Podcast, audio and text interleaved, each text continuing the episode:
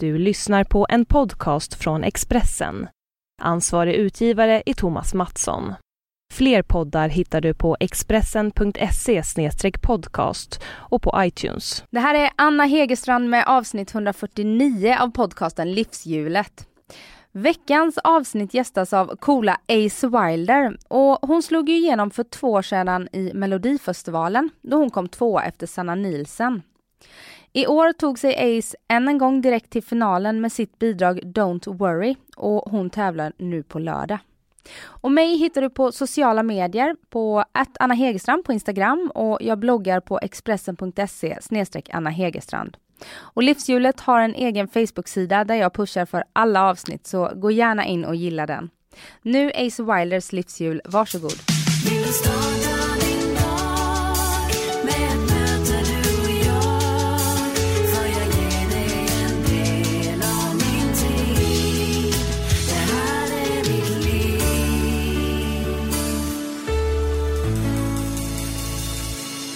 Välkommen hit!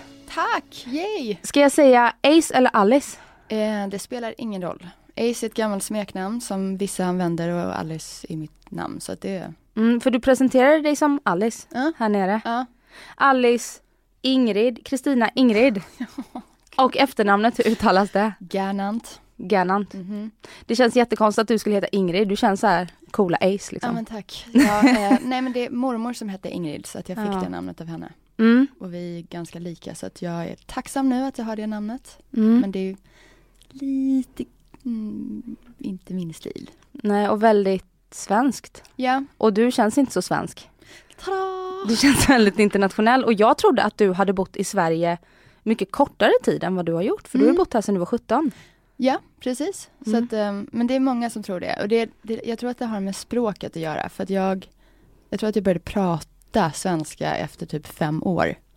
Du snackade engelska innan. Ja, för jag gick en engelskspråkig skola och sen så hade jag engelskspråkiga vänner och hade ett engelskspråkigt jobb. Så det, det tog lite tid för mig att komma in i så språket. Mm. Så du var typ 22 då när du började snacka svenska. Japp. Och nu, hur pratar ni hemma? Pratar ni svenska eller engelska? Det är blandat. Det är så blandat. Jag, jag brukar säga nu att jag pratar flytande svengelska. För Och, du jag, slänger in väldigt mycket engelska ord och... och detsamma när jag pratar engelska. Då slänger jag in svenska ord. Mm. Så att eh, jag är lite förvirrad just nu. Vad trivs du bäst med då? Um, det beror på vem jag pratar med. Det är min bästa vän så pratar jag bara engelska med. Eh, min familj, Elsa som bor kvar i USA, hon pratar jag bara engelska med. Mamma är det blandat, min bror. Alltså det, det beror på vem jag pratar med. Mm. Men du flyttade, är du född i Florida eller? Jag är född i Åre. Mhm. Mhm. Jag kom mitt, eh, mitt på sommaren. Eh, född lite tidigt. Och så bodde ni där? Eh, nej, bodde i Stockholm. Ja, du sen överraskade så- på en semester i Ja. Åre då? Ja, tada! eh, och sen så um, bodde vi ett tag nere i Skåne och sen flyttade vi till Florida. Mm. Och hur gammal var du då? Jag vet, det var mycket fram och tillbaka för mamma kunde inte bestämma sig. Så jag vet inte, jag kanske var sex när hon och pappa valde så här, nej nu flyttar vi dit heltid. Så att, eh, sex, sju. Var i Florida bodde ni? Fort Myers. Fort Myers Och det är ligger... på andra sidan, om Florida är liksom, ser ut som en, jag vet inte vad det ser ut som. Det är Tampa Ja, alltså det är Sidan. på andra sidan. Om Miami ligger på östra. östra så ligger Fort Myers på västra. Typ vid Naples där. Ja, exakt. Ja, ja och jag älskar Florida. Ah. Det är därför jag är så här, vill du åka tillbaka dit? Vill du flytta tillbaka dit? Ja, alltså när jag, när jag åker tillbaka så får jag alltid en varm känsla i kroppen. Det är där jag blev liksom medveten om att jag är en person och allt det där. Så att jag älskar Florida men jag har inga vänner. Alla stack därifrån. Jaha. Mm. Jag har en vän som bor kvar eh, och hon eh, jobbar på Nicky Beach och planerar så stora fester men annars har alla åkt därifrån. Nicky Beach i Miami. Mhm. Jag får så flashback när vi pratar om det här. Jag kan inte komma ihåg så mycket om man har varit på Nicky Beach. men- Nej, Mm. fast jag var där en hel dag en söndag och låg på deras härliga solstolar och Mm. grejer. Japp. Och drack rosé i, eh, i lagom takt. Ah, Okej, ja men det är det man ska göra. Mm. Mhm. Men du var 17 när du kom till Sverige Mm. och sen så tog det till, för du har ju alltid jobbat med musik och dans Mhm. och skrivit låtar. Och så slog du igenom väldigt stort för två år Två år sedan. sedan. När du kom på andra plats i, i Mello Ja. efter Sanna Nilsen. Ja. Hur har livet förändrats sedan dess? För jag vet att det här är vad du vill. ja, det här var ju drömmen. Eh, jag var lite förvirrad ett tag där så här, började skriva låtar åt andra och jag bara mm, okej, ja det är kanske det här jag får göra resten av mitt liv. Men eh, sen när jag fick den här chansen så tog jag den och livet blev lite som jag hade tänkt mig. Men man är ändå inte redo för det liksom. Att bli känd på gatan. Mm. Det var lite konstigt. Ehm, men allt annat var bara positivt. Man fick åka på turné. Man fick stå på scen och man fick skriva låtar. Och... Hur funkar det då när man åker på turné och har en låt som, är, som folk känner igen? Det måste Det vara var en lite utmaning. ångest. Ja, det var faktiskt lite ångest. Eh, och sanningen är ju att jag hade ju inga andra låtar till mig själv som Ace Wilder. Så att vi tog gamla låtar som jag hade skrivit åt andra och pratat om dem lite och ja, det var lite konstigt. Det funkar och jag vet också, för jag lyssnade på en annan intervju du gjorde med Expressen eh, inför din medverkan nu då, Mm. att du tog en paus till och med och tyckte det var Mm. jättejobbigt att folk började lägga sig i din karriär. Men att det var en, en sån stor skillnad mellan så här, jag åkte ner till Göteborg när jag var med i Mello. Dagen innan. Alltså det var ingenting, ingen brydde sig om mig eller mina dansare, det var ingenting. Och sen precis efter Göteborg så hade jag ett helt team med mig som jag inte riktigt så här, vad är det här? Och sen helt plötsligt skulle man diskutera alla mina val. Vad ska jag ha på mig? Hur ska jag prata? Hur ska jag se ut? Hur ska jag liksom vad har jag för image? Alltså sånt som jag aldrig hade tänkt på tidigare. Då får jag känslan av att jag själv skulle känna mig lite, ha nu passar det när det går bra. Well, you know. Ehm, det var ju lite så. Samtidigt så, det var så mycket jobb under den tiden så att jag hade liksom inte tid att tänka. Jag bara gjorde saker. Jaha, ställ dig här, okej, stå här, säg det här, le, le inte, var cool, var inte cool. Du vet så att jag var jätte, jag var bara lite, vad heter det ordet, overwhelmed. Det var lite mycket. Ah, överväldigad. Ja. Och det ledde till att du efter turnén då tog en, en paus. Ja, ja, lite grann så här bara en mental paus. Eh, hängde mycket med vänner och så funderade på livet så som man gör. Eh, ska jag fortsätta med det här? Ska jag flytta härifrån? Vad vill jag? För jag är inte van att ha någon som säger till mig vad jag ska göra. Och jag tänkte att det är ingen poäng att vara en artist om man inte får göra det man vill. Eh, så det var mycket sådana funderingar och lite bråk här och där. Mm. Vad, vad kom du fram till då? Vad står det idag? Nej, alltså jag kom fram till att jag måste säga ifrån. Jag vill ju stå på scen och jag vill skapa och jag vill skriva musik och det är det jag vill. Ehm, men jag har väldigt svårt med att bli kontrollerad när man ska vara kreativ. Så att ehm, jag, jag får bara se till att jag säger ifrån. Är du bra på det? Mm. ja, ibland. Ibland, men jag, det måste gå väldigt långt innan jag så blir arg. Eh, så jag försöker nu säga ifrån direkt när jag känner någonting. Bara, nej, jag vill inte. Har du väldigt stark intuition och litar på din magkänsla? Ja, det är det. Det är det. Ehm, jag har alltid litat väldigt mycket på min magkänsla. Eh, men sen när allt det här hände med Busy Doing Nothing så var det väldigt många som var inblandade efteråt och jag lyssnar inte på mig själv. Och då helt plötsligt så står man där och bara ah, Varför gjorde jag det här? Varför sa jag inte nej? Så att ehm, ja, det är någonting som jag har blivit tvungen att hitta tillbaka till. Du var ju ganska gammal är du ju inte men du i, i Mm. branschen var du ju lite äldre när du slog igenom. Mm. Eh, var det bra för dig tror du? Jag tror att det var bra för mig. Ehm, det, det är sån stor skillnad så här, att vara okänd och att vara känd.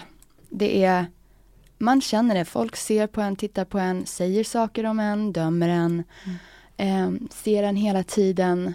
Ehm, och jag tror att om jag hade varit yngre och inte var så självsäker så kanske jag, tänk om någon hade sagt någonting fult om min tröja liksom.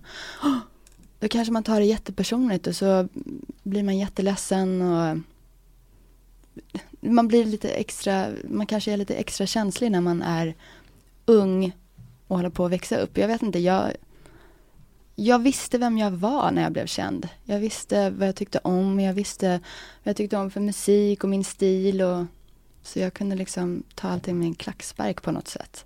Mm. Hur var det nu att komma tillbaka då? Det var ju i, det är bara veckan efter som du har gått raka vägen till final. Yay! Som vi står här. Mm. Eh, var det stor press? Oh. Eftersom det gick så bra sist med det. Japp. Um, jag blev faktiskt lite förvånad för att um, om, så här, för mig själv, eller om mig själv eller vad man säger. För att jag trodde ändå så här, ah, jag tycker om låten och det är låten som gjorde att jag är med. Det är därför jag är med. Men sen när man står där och alla så här, okej okay, hur pinsamt skulle det inte vara om du inte gick vidare. Man bara, mm. Mm, jag, jag, kände det i hela kroppen. Sa folk det? Inte de orden, men det var lite så här underförstått. Oh, Gud vad fruktansvärt. Ja. Då skulle inte jag kunna prestera under Nej, det där. alltså jag var ju lite så här, lite crazy den veckan. Bara, oh, jag vill inte prata med någon, jag vill inte träffa någon. Oh, oh. Så att um, det var en sån stor lättnad när jag gick vidare. Mm. Trodde du att du skulle gå vidare? Nej. Du trodde inte nej, det? Jag, jag, nej, jag... Det är den svenska ödmjukheten som kommer nej, fram här. Nej, men jag tänkte lite så här, ja, ah, nu har jag kommit med det här stora numret. Såklart så kommer inte jag gå vidare. För det var lite stort, alltså det här. Ja, hela koreografin och ja, allt. och jag bara, det här är för stort, det här är hybris. Tänkte jag. Nu, nu kommer alla bara se igenom det här. Så jag tycker, är det någon som ska göra ett sånt stort nummer så är det ju du, för du har ju den självsäkra framtoningen. Och sen kanske det inte är så där ba bakom att det är så självsäkert, men du förmedlar det. Mm, det, det är jättebra och jag är, jag tycker om att vara kreativ och jag ville utmana mig själv, men just i det här sammanhanget, du vet man bara nu kommer jag tillbaka full force, folk kommer bara vad håller de på med? Det här är för stort. Nej, vi röstar inte vidare nu. Det, det, var, det var lite så jag tänkte. Men jag, jag tyckte om numret. Jag tyckte mina dansar var asgrymma. Jag älskade koreografin, jag älskade kläderna. Så det var inte så att jag inte trodde på det. Jag bara tänkte, mm, man har kommit in för starkt. Ja det kan ju bli den här, det här svenska Jante också. Så mm. vem mhm. tror hon att hon är? Mm. Samtidigt om man inte tycker om låten så kan man kanske numret ta ja. udden av det. Ja. Att man gillar det istället. Ja, alltså jag vet inte hur folk röstar eller man vet ju aldrig hur folk röstar eller vad de tycker om eller vad så här, de kanske sympatiserar med mig och så här, nu kommer hon tillbaka så vi röstar. Alltså, mm. vem vet, men jag, jag hade en känsla av att så här, nej, folk kommer inte digga det här. De tycker att jag kommer in för starkt, eller så här, för stort. Mm, så fel du hade. Oh, och jag är så glad för det. Mm. Och den här podden släpps ju onsdagen innan finalen. Oh. Hur är nerverna inför den? Ja, jag är lite lugnare nu faktiskt för att så här, nu vet man ju inte hur folk röstar. Eh, och i finalen så brukar det vara väldigt starka nummer, väldigt starka artister, väldigt starka låtar. Så att eh, hur det än går så tror jag inte jag kommer bli eh, devastated. Jag kommer mm. inte bli ledsen. Jag tog mig till finalen, jag gjorde mitt bästa och nu, man vet aldrig hur folk röstar. Och vad skulle det innebära för dig om du vann? Oh my god. jag, jag, tror att jag skulle stå och gråta. Jag tror inte jag skulle förstå det faktiskt. Och sen, um, ja, nej men det skulle vara extremt stort faktiskt. Jag vet bara inte hur jag skulle reagera. mm. Hur ser resten av 2016 ut? Är det så att, för jag har förstått att om man är med i Mello då har man liksom resten av året planerat efter? Det har man nästan. Alltså det, eh, jag visste ju inte det tidigare men det här har jag fått lära mig. Eh, det är ju turné som händer då. Och beroende på vad, vad, man vill göra, vissa artister vill inte turnera så då går de och gör andra saker och vissa har andra projekt. Så att, ja, men man har mycket. Och du turnerar då själv, det är ingen liksom så här en, en del turnerar med Diggiloo och... Ja, Diggiloo, ja. Ja, du ska ju vara med i Diggiloo. Jag ska vara med i Diggiloo, ja. Ja, titta ja. kom jag på när jag stod och pratade med dig. ja. Hello. Mm, ja, ja. Nej, på tal om att bli folklig då. Ja. Mm -hmm. Nej men det var faktiskt en uh, utmaning, jag känner producenten. Uh, och hon sa att uh, de vill ha en liten förändring där. så att, inte förändring, men de vill de vill eh, göra lite nyare, fräscha upp det lite så att eh, jag får komma in och Medina får också vara med. Mm. Så vi får köra vår grej där med dem. Mm. Det kommer bli jättekul. Mm, då har du sommaren planerad. Yes, och det verkar vara väldigt mycket. Har du varit runt mycket i Sverige och sådär? För annars så finns det ju möjlighet här. Mm. De, det är verkligen från norr till... Det är Till söder. verkligen, förra två år sedan den sommaren så såg jag ju typ hela Sverige. Och det är lite mysigt, jag har aldrig gjort det. Jag har aldrig sett Sverige på det sättet. Så att, vet, fina småstäder och så. Är du en stadstjej annars? Ja, Du bor i Stockholm? ja, I innerstan? ja, eller Lill- Lilla Essingen. Så att, Ja, då Mm. får du en blandning lite. precis, jag får lite mycket vatten Ja. på ett positivt sätt. Mm. Och, och privat då? Lever du själv? Mhm. Mm. Och trivs med det? Jag trivs med det. Alltså nu när jag fokuserar på min karriär så trivs jag med det. Ehm, det är, jag vet inte om jag kan fokusera på en annan person om jag tänker på mig själv hela tiden. Det är väldigt själviskt. För du levde i en ganska lång relation innan Mm. som tog slut för, Eh, två och ett halvt år sedan. ja precis innan din första medverkan. Ja. Och jag vet att du rasade i vikt och mådde inte så bra. Ah, japp. Nej men det, det, det var liksom det, det avslutet var väldigt dramatiskt för mig. Ehm, så att jag slutade bara äta. Eh, och min mamma hade hotat med att säga om du inte börjar äta nu så lägger vi in dig. Eh, så att när jag stod på melloscenen så vägde jag typ 47 kilo. Mm. Ehm. Du var jättetunn då. Ja, och min mamma bara, nej det här går inte. Så att jag fick typ lära mig själv att äta igen. Men det var för att du mådde så dåligt? Det var så här jag tror att det kom som en chock. Nej, nej, nej, nej, jag tror inte det var någon, det kan ha varit en ätstörning, jag vet inte vad definitionen av det är, men jag bara kände inte hunger. Mm. Eh, och sen så efter mello så, i och med att det blev så mycket turné och jobb, så, var jag, så förstod jag så här, jag måste äta frukost, jag måste äta lunch. Så så småningom så gick jag upp i vikt igen. Mm. Ja, du är ganska aktiv också på scen. Mm. Du är ju gammal dansare. Japp, japp, japp, japp, så att det, nej men jag, jag tror att jag kände på mig det också, så här, jag måste äta.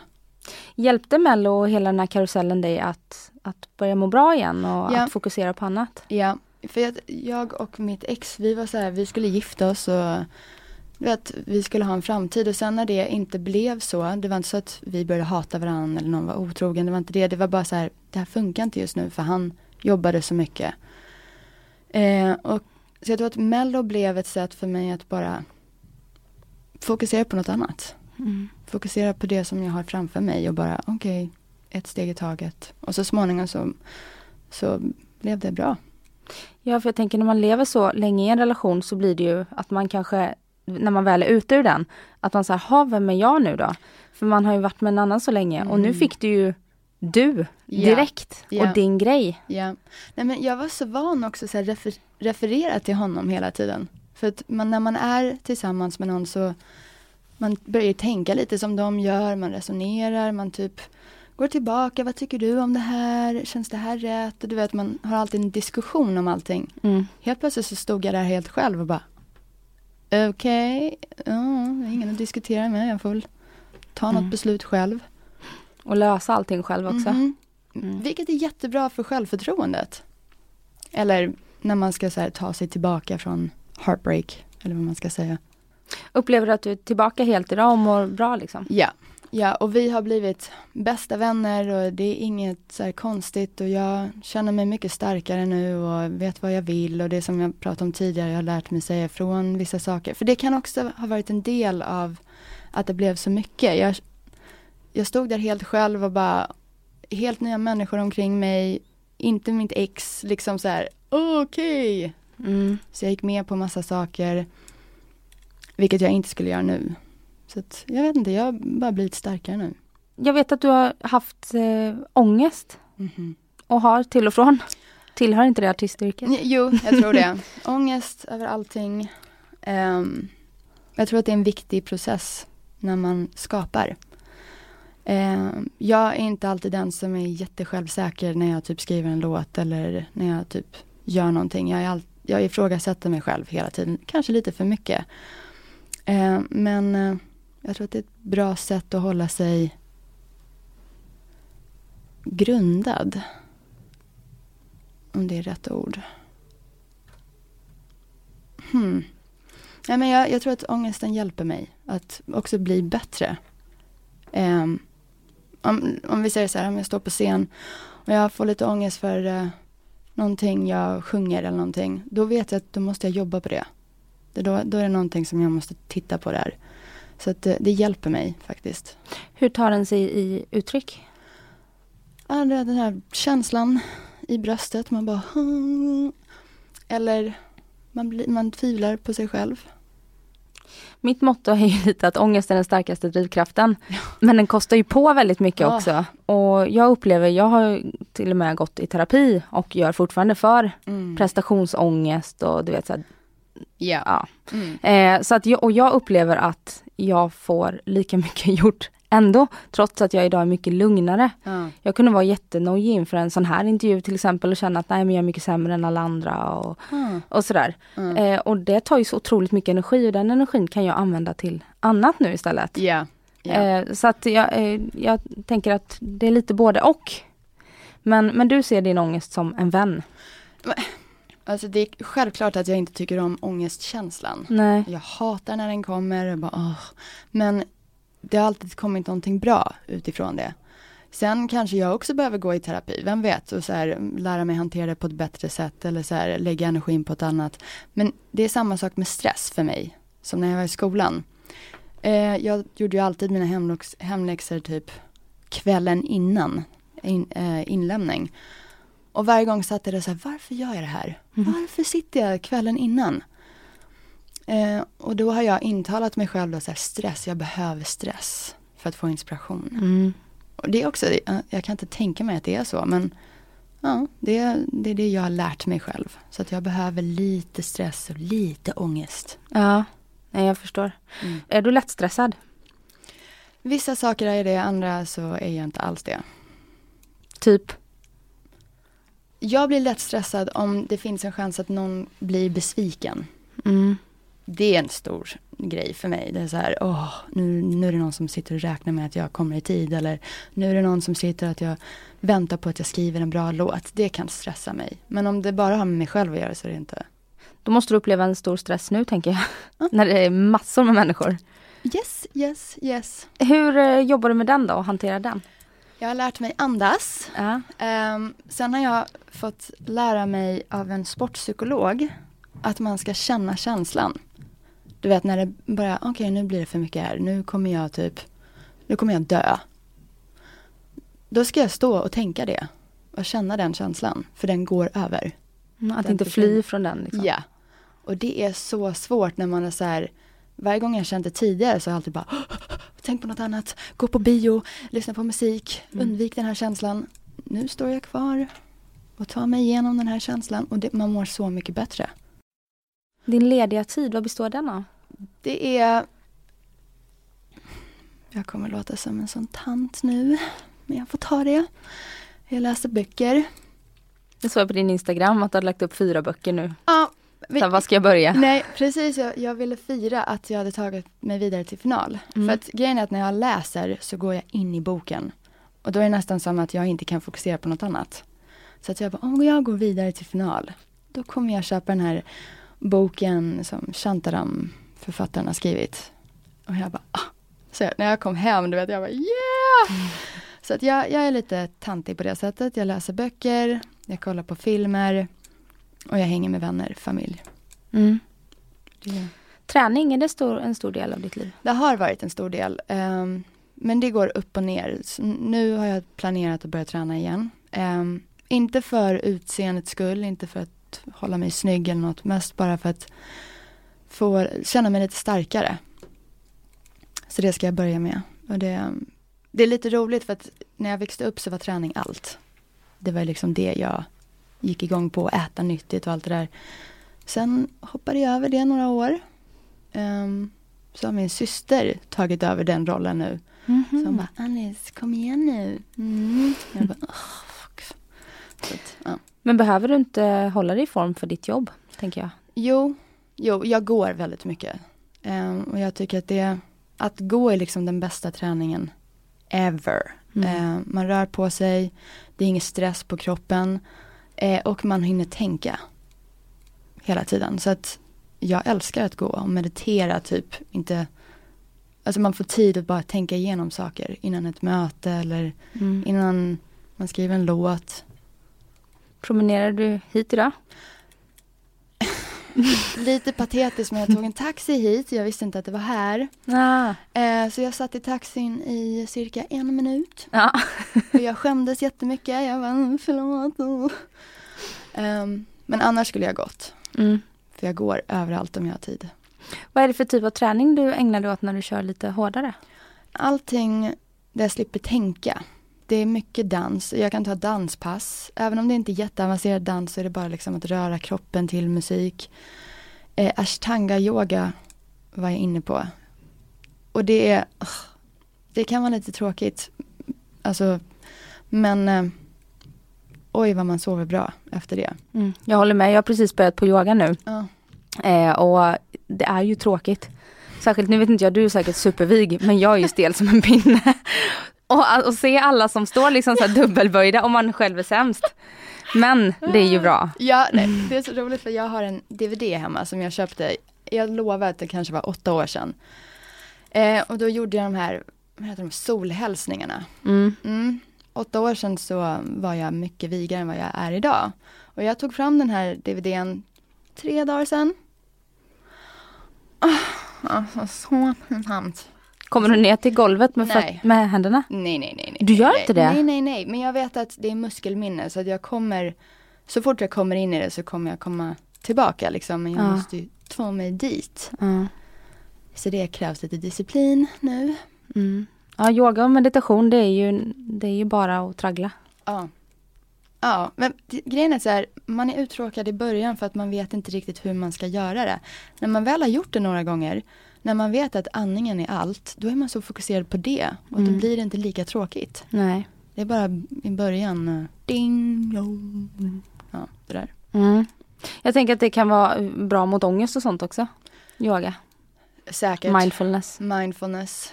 Ehm, det, det är det säkert och jag, jag tror att i och med att jag tappade träningen, alltså regelbunden träning några år sedan, så, så, um, så har jag blivit lite lättare liksom, eller ångest kommer mycket lättare till mig. Så att jag, Mm. det är därför jag måste börja träna. Och, och det, jag vill bara säga att det är inte bara för att vara snygg.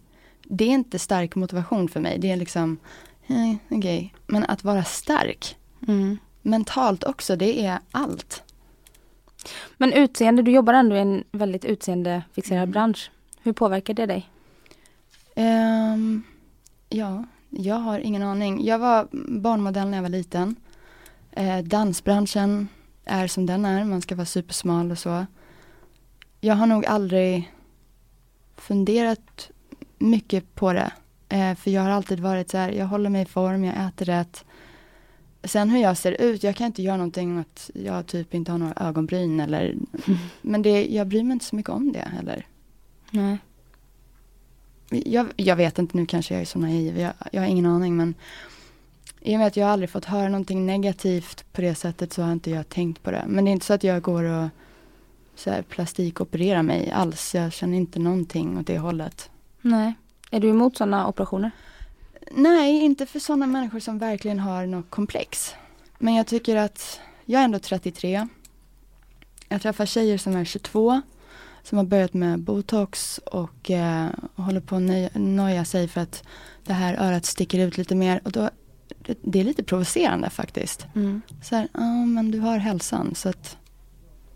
Och, och jag tänker själv hur jag ser på människor. Jag blir alltid attraherad av dem som har någonting, någonting som är lite udda. Jag förstår inte den här grejen med att man söker perfection. Jag, jag vet inte, jag fattar inte riktigt var det kommer ifrån. Nej. USA tänkte jag säga men Ja, ja, men liksom- Nej men, men Ja. jag förstår vad du menar. Det är inget spännande. Nej, det är inte spännande. Alltså om man tittar på när man träffar någon, det man kommer ihåg är alltid det som är lite off. Mm. Jaha, kolla den, det ögat var lite så här, eller Mm. det är sånt som intresserar mig. Så jag, jag blir bara ledsen när jag hör typ unga tjejer prata om bröststorlek eller eh, rumpan nu, det är ett ganska populärt ämne. Som ska Eh, vara stor nu. Ja, okej. Och när jag var ung så skulle den vara, det skulle inte finnas en rumpa. Nej. Ehm, Så jag vet inte, jag, åh, det är väldigt, För jag vet att den här låten som du eh, tävlar med nu i Mm. Mello, den är till alla tjejer har du sagt. mm, ja, Hur tänker du där? nej så här var det, att ehm, när jag var med första gången så hade jag fyra killdansare med mig. Mm. De är vänner, de är familj så att det var asroligt att ha med dem. Men jag fick höra väldigt mycket så här, ah, men du hade killar, det var coolt. Jag bara, ja fast det är inte det som är coolt, att det är killar. Så den här gången så ville jag ha tjejdansare. Mm. För jag bara, alltså man kan vara tjej och kan vara cool och sen tittar jag på alla de som jag jobbar med. Det är typ 90% tjejer jag jobbar med just nu. Så att, eh, nej jag ville dedikera numret till tjejer. Till tjejer, unga tjejer som inte tror att man kan eller liksom, ja. Nej men det bara, ska handla om girl power på något sätt. Mm. Och hur kom låten till? För du har varit med och skrivit den också. Mm, mm. Eh, Det var Det var jag och Linnea som satt och pratade om ångest. Mm. Mhm. Eh, kanske lite bakisångest. du vet sånt. Ehm, och eh, ja, så hade vi en vanlig session, en sån här co-write där man sitter och skriver. Och det gick ganska snabbt. Eh, alla de är ju proffs och de tycker om att vara kreativa. Eh, jag och Linnea kommer jättebra överens. Det är som vi, vi har samma födelsedag så vi tänker samma humor. Så det, det är liksom inte jobb när jag jobbar med dem. Så det, det var så den kom fram, Mm. bakisångest. Så den handlar om bakisångest? Den handlar inte om det men det var det vi började prata om. Ja. Och så sa man hela tiden så här, "Ah, don't worry, det, det där löser sig. Ah, det är ingen som kommer ihåg det där. Ah, ingen fara. Mm. Så att, eh, ja. Vilka andra har du skrivit åt? Är det någon man vet? Nej, inte här i Sverige faktiskt. Jag skrev med, jo, jag gjorde en låt med Anders Bagge och en tjej, en dansk tjej som heter Medina. Eh, de gjorde en duett tillsammans. Men sen ingen här. Och nu har jag typ lagt det på isen så att jag, jag, jag vill typ komma tillbaka in i, i eh, skriva låtar-svänget liksom. Mm. Hur funkar det ekonomiskt då? Mm. Eh, låtar, tjänar man pengar på det när man skriver? Eller är det bara de som är, är det bara Max Martin och Ja, Red han, One? Han, ja exakt, de, de tjänar ju så extremt mycket pengar. Man kan tjäna en bra lön liksom, på att skriva låtar. Eh, men man måste ju ha singlar. Och det måste gå relativt bra för dem. Mm. Så jag känner väldigt många låtskrivare som har extra jobb. Kunde du försörja dig på det? Ja, hälften av tiden. Nej men jag, jag jobbade också extra. Att, eh, Och nu försörjer du dig som artist helt. Mhm. Ah, Jag är Ja. så glad. Är det sen Mello för två år sedan? Ja. Och då är det turnéerna, för man tjänar väl inga pengar på, Ja, nej. på de albumen du har släppt, tänker jag. nej, nej. Ehm, och nu också så är jag är låtskrivare så att jag får en del av det också. Ja. Som tur är. Men det är det, det är det man tjänar pengar på. Mm. Turnélivet. Är du ekonomisk med dina pengar?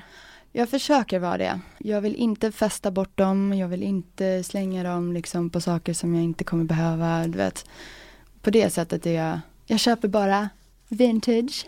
Ah, Ja. är det din grej? Det är min grej. Det är Mm. verkligen min grej. Ehm, så att, eh, nej men jag försöker vara väl bra med pengar.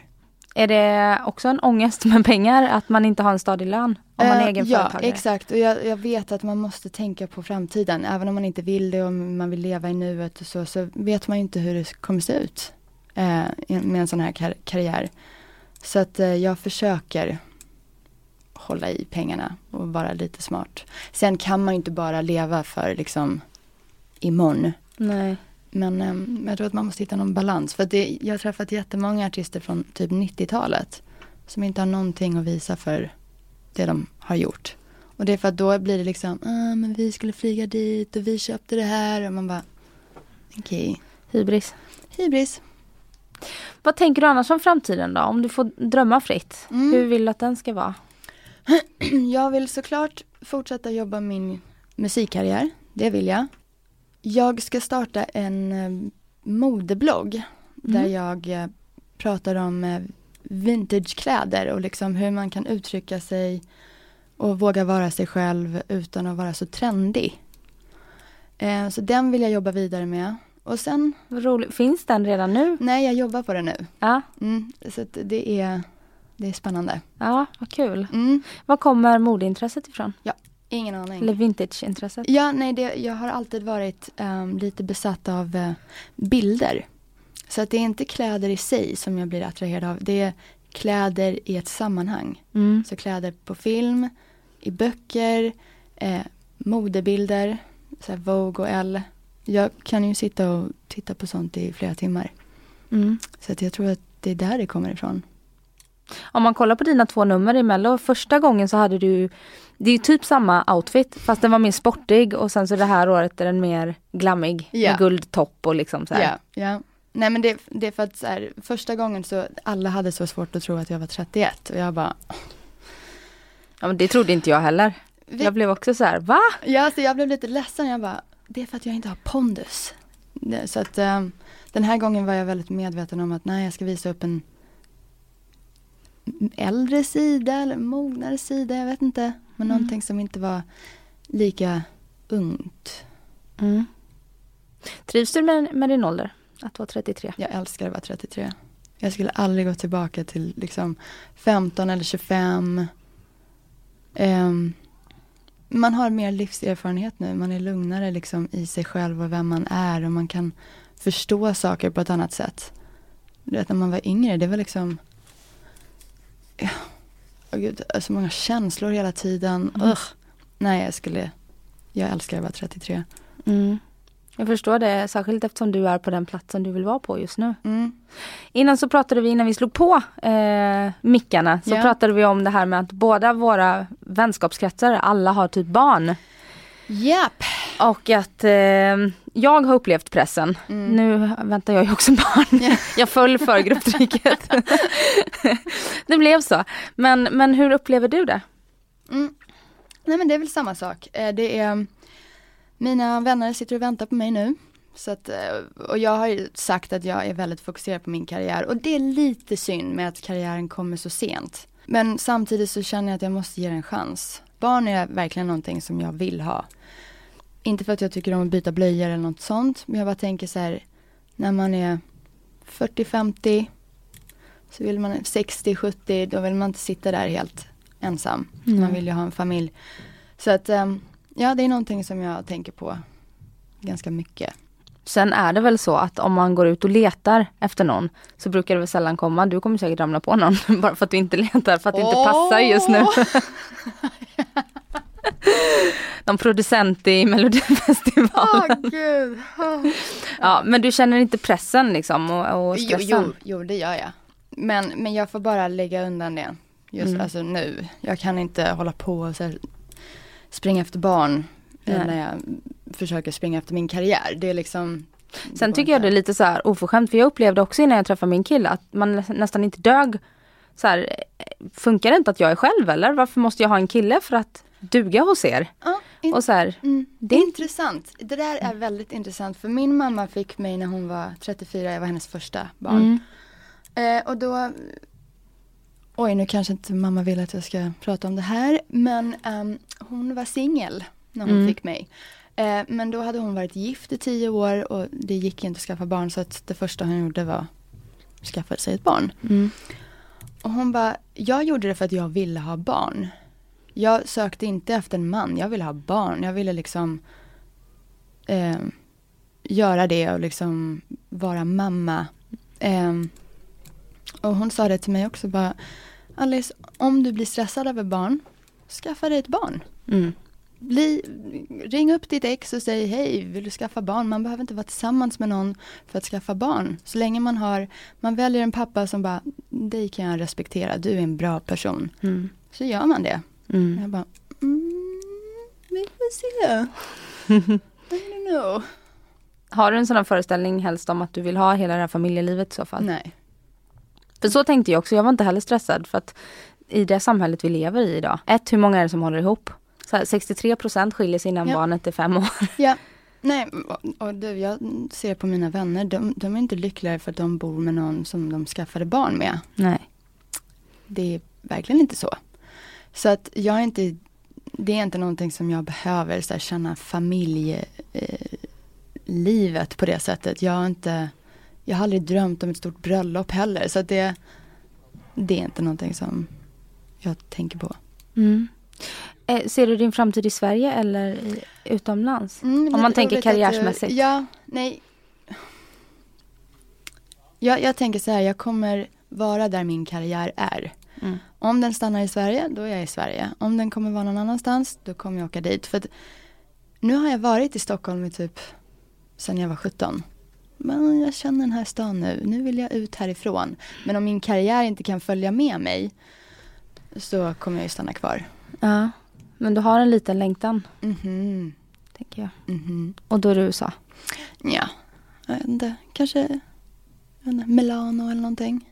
Ja. USA Just det, mode där ja. Ja, det skulle vara jättekul att slå igenom i USA, absolut. Men ehm, jag vet inte, jag vill se någonting nytt. Asien kanske. Bo i Shanghai. Du har ju verkligen möjlighet att kunna, särskilt om man jobbar som låtskrivare, så Mhm. kan man väl bo överallt. Ja, Typ. det kan man. Ehm, men jag tror inte att, för att skriva låtar till Asien är väldigt speciellt. Så jag vet inte om jag skulle kunna göra det heltid. Men jag vet inte, modeblogg. Eller om man så här, tar en liten paus från musiken och åker iväg och bloggar om mode. Mm. Livet är fullt av möjligheter kan vi konstatera Yes, i alla fall. yes, yes, och man behöver inte låsa in sig i någonting. Nej, det tror jag inte. Jag önskar dig jätte eh, till nu på lördag. Eh, jag får blir inte det. säga tack. Nej, det Så får du absolut inte Heja, göra. heja. Heja, heja, ja. Men jag får säga tack för att du kom hit och gästade mig. Ja, men tack för att jag fick vara med. Ha det så bra nu. Detsamma. Hej! My coffee's cold, my car's too old, and I never ever get where I go.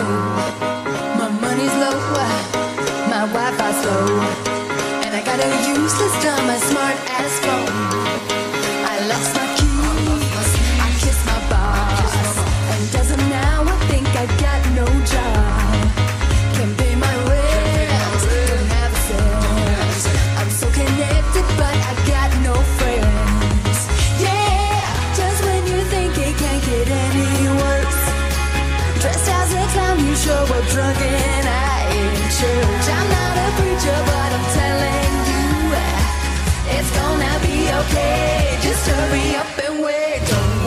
It's alright.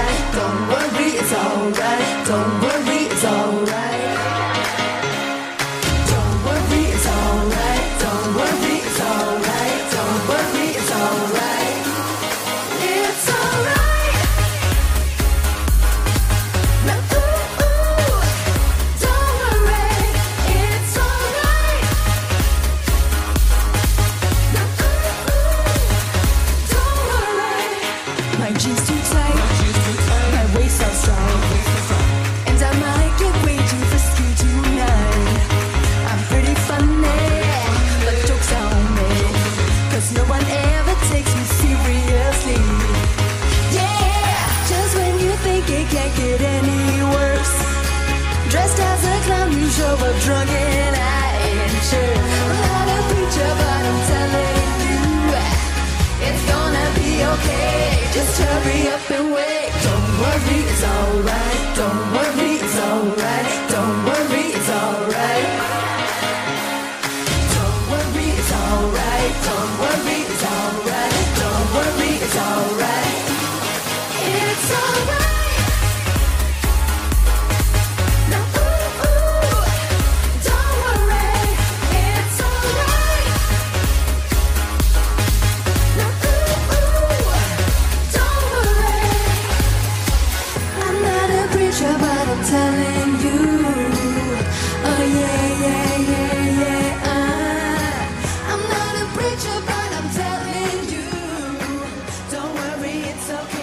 Du har lyssnat på en podcast från Expressen.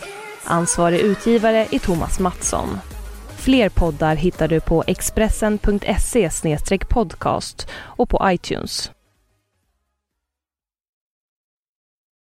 Snart startar vår stora färgfest med fantastiska erbjudanden för dig som ska måla om. Kom in så förverkligar vi ditt projekt på Nordsjö Idé och Design.